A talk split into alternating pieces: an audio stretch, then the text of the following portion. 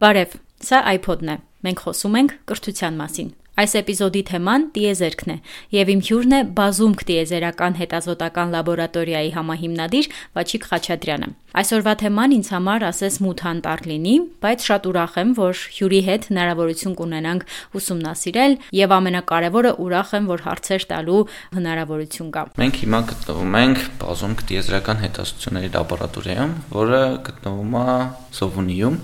ինքը շատ հարմար ոնց որ առանձնատուն է, կարելի ասել, բայց կահավորված լաբորատորիա է։ Իմ սա սա իմ հիմնական աշխատանքի վայրն է։ Օրվա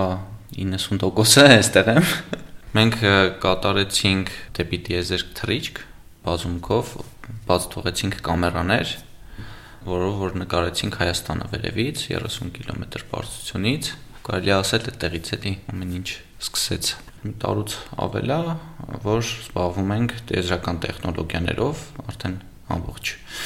ժամանակը տրամադրում ենք դրան։ Մեր նախորդ էպիզոդներից մեկում ես խոսել եմ միջուկային ֆիզիկոս Անի Աբ รา համյանի հետ։ Խոսում էինք այն մասին, որ երբ ես էի դպրոցական, ինձ համար բնագիտական առարկաները բարդ էին եւ ձանձրալի։ Չկային լաբորատորիաներ դպրոցում, միայն տեսական գիտելիքներ էին, ու ինքը իր մոտեցումն ուներ, թե ինչպես անել, որ ֆիզիկան հետաքրքրի երեխաներին։ Բայց նաեւ ինձ հետաքրքիր է դուք որպես ուսանող նախկին աշակերտ։ Ինչ եք կարծում։ Ոնց որ պատահական չեմ ֆիզիկա ընտրել, ես էլ շատ սիրում էի ֆիզիկան, ուղղակի մոտեցումն էր տարբեր ու իրոք ճիշտ եք ասում, այդ մոտեցումը ոնց որ սիրահարվածնում է, էլի գիտությանը, ֆիզիկային, դիեզերքին։ Ես ոնց եմ պատկերացնում, որ ոնց պետքա լինի, էլի, որ աշակերտները, չգիտեմ, երեխեքը այդ համ հետաքրքրություն ունենան, համ էլ պահեն այդ հետաքրքրությունները ժամանակի ընթացքում, պետքա ամեն ինչ կայուն հիմքերի վրա լինի։ Այսինքն պետքա նախ գիտությունը պահանջված լինի, պետքա այդ մասնագիտությունով մարդիկ կարան շատ փող աշխատեն,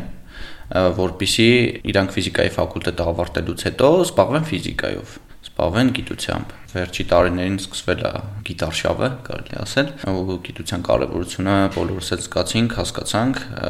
բայց մեկը ոնց որ դրա մասին խոսելը մենակ քիչ է, այսինքն պետք է հստակ քայլեր արվեն, որ մարդիկ սովորեն համ ինքնակրթվեն, հետո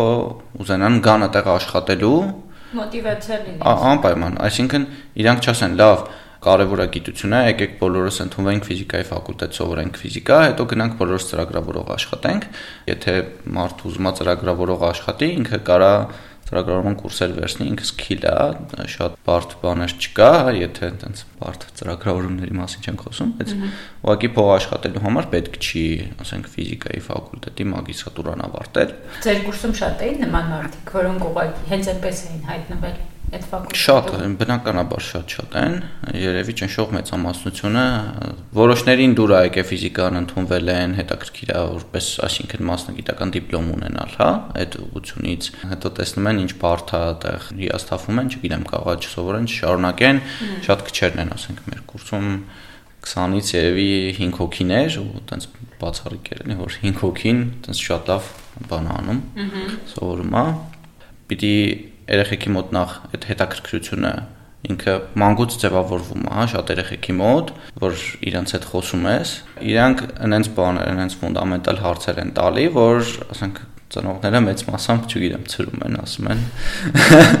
Կգնաս դպրոց կիմանաս կամ, չգիտեմ, կամ YouTube-ի ալիքներ են դեմ տալիս, տենց երեխեքը սովորում են, հետաքրքրությունները տենց հետո ժամանակի ընթացքում մեծանում են, երևի անցնում է։ Կարելի է պահել, այդ հետաքրքրությունները կարելի է զարգացնել ու բերել նրան, որ իրանք արդեն որպես մասնագետ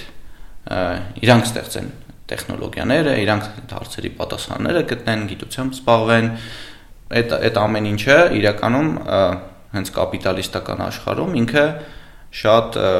ոնց որ հիմքերի վրա իրականում կապիտալիզմի հենց այդ գիտության նորարարության գաղափարն է դրած ներդրումները արվում են նրա համար որ տնտեսությունը զարգանա իսկ տնտեսությունը այդ այդ ներդրումները եթե նոր բան չստեղծեն 100 անգամ ավելի մեծ արժեք չստեղծեն, խնդիր չլուծեն, տնտեսությունը չի զարգանա կոլապսի կընթարկվի էլի։ ոնց որ բոլորս հասկանում ենք, թե ինչի ինչի է բերում, երբ որ դու օգտագործում ես այն ինչ որ քեզ տալիս են, քեզ կառավարում են, քեզ երբ ուզեն կարան այդ անջատեն, կարան փակեն, դու քո տեխնոլոգիաները չունեցար, բոլորից կախվածության մեջ ես լինելու։ Գիտությունը Հայաստանում կարող է լինել տրենդային։ Այս ամեն ինչում Space Shop-ի դերը որն է, Space Shop-ը on-line խանութ է, որտեղ որ գիտական, կրթական, STEM ուղությամբ, science, technology, engineering ուղությամբ իրեր են, որոնք որ մարդիկ կարան ունենան ու ոնց որ գիտությանը դիեզերքին ավելի մոտ գտնվեն։ Հա, մեր գաղափարությունը դա մոտեցրու քեզ դիեզերքը, այսինքն մոտեցրու քեզ այն գիտելիքը, այն այն կրթությունը, որը որ ոնց որ ունեցի ձեռքերի տակ այդ ամեն ինչը, որը քեզ ավելի շատ կհետաքրքրացնի, որը դու ավելի լավ կհասկանաս, հա, նոր բան կմտածես, նոր բան կստեղծես հետագայում այսինքն այդ հետաքրքրությունը պահելն է ու նաև ինքը կրթական բլոգ է հենց մեր կայքում որտեղ որ մտնեք, կա նաև բլոգ բաժինը, որտեղ որ մենք գրում ենք դիեզերքի մասին, գիտության մասին, պատմությունների, տարբեր գիտական պատմությունների մասին, տարբեր շատ շատ մատչելի հայերեն լեզվով կոնտենտ շատ քիչ կա, ու մենք փորձում ենք այդ զարգացնել։ Կարդացիր, սովորեցիր, ոգեշնչվեցիր, ուզում ես ձեռքի տակ լինի այդ ու դու խաղաս, դու զբաղվես դրանով, հա։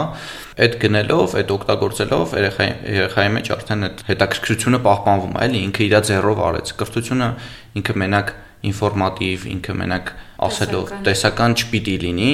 թե դպրոցներում, թե համալսանում այդ խնդիրը շատ սենց արմատացած է, էլի։ Կրթությունը պետքա լինի ինտերակտիվ։ Ինքը սովորեց, ինքը ինֆորմացիան ստացավ, պետքա իր ձեռքում, ինքը պետքա տենա այդ, ինքը պետքա զգա, ինքը պետքա խաղա, փոխի ինչ որ բաներ, տենա ինչ է կատարվում։ Շոշափի։ Շոշափի, պետքա պետքա շոշափի, այո։ Մեր նպատակը հենց այդ է, որ բերել մոտ մարդկանց գրասեղաններին ունենալ տենց գիտական խաղալիք, որ իր առօրյայի մասը դառնա։ Դրա կարևորությունը զգա, այդ դրա այդ կայֆը զգա, հա։ Վաչիկ մի հարց Ենթադրենք մենք կարողացանք երեխաների մեջ արտնացնել սերը ֆիզիկայի հանդեպ, իրենք սկսեցին գիտական խաղալիքներ կիրառել եւ այլն, հետո դիմեցին համասարան, ավարտեցին։ Միևնույնն է դու ապագա չես տեսնում, կամ եթե տեսնում ես, մտածում ես, որ կարող ես ուրիշ երկրում իրականացնել այդ ամեն ինչը։ Ինչքանով է փոխկապակցված պետությունը, մասնավորը, դպրոցը, որ գիտությունը զարգանա, չէ՞ որ դա համակարգային խնդիր է։ Ես կարծում եմ, որ մենք ամեն ինչ փորձում ենք պետությունից ուզել։ Սոցիալիստական մտածելակերպ ունենք, բայց կապիտալիզմի տարում ինքը ասում է ես հարթակ եմ, ես քեզ ապահովում եմ շուկայի ազատությունը, ապահովում եմ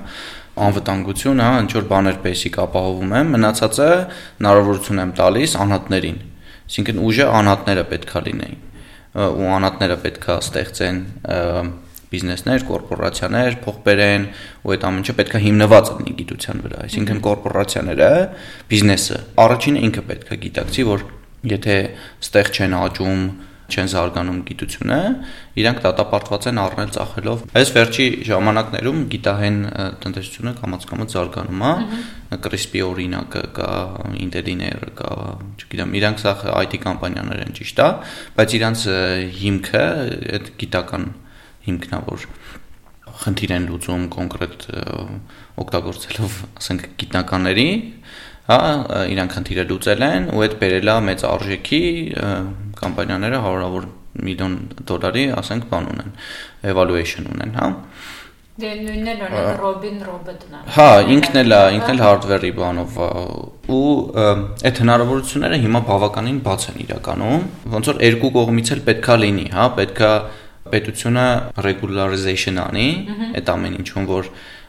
ինքը ունենա ռազմավարություն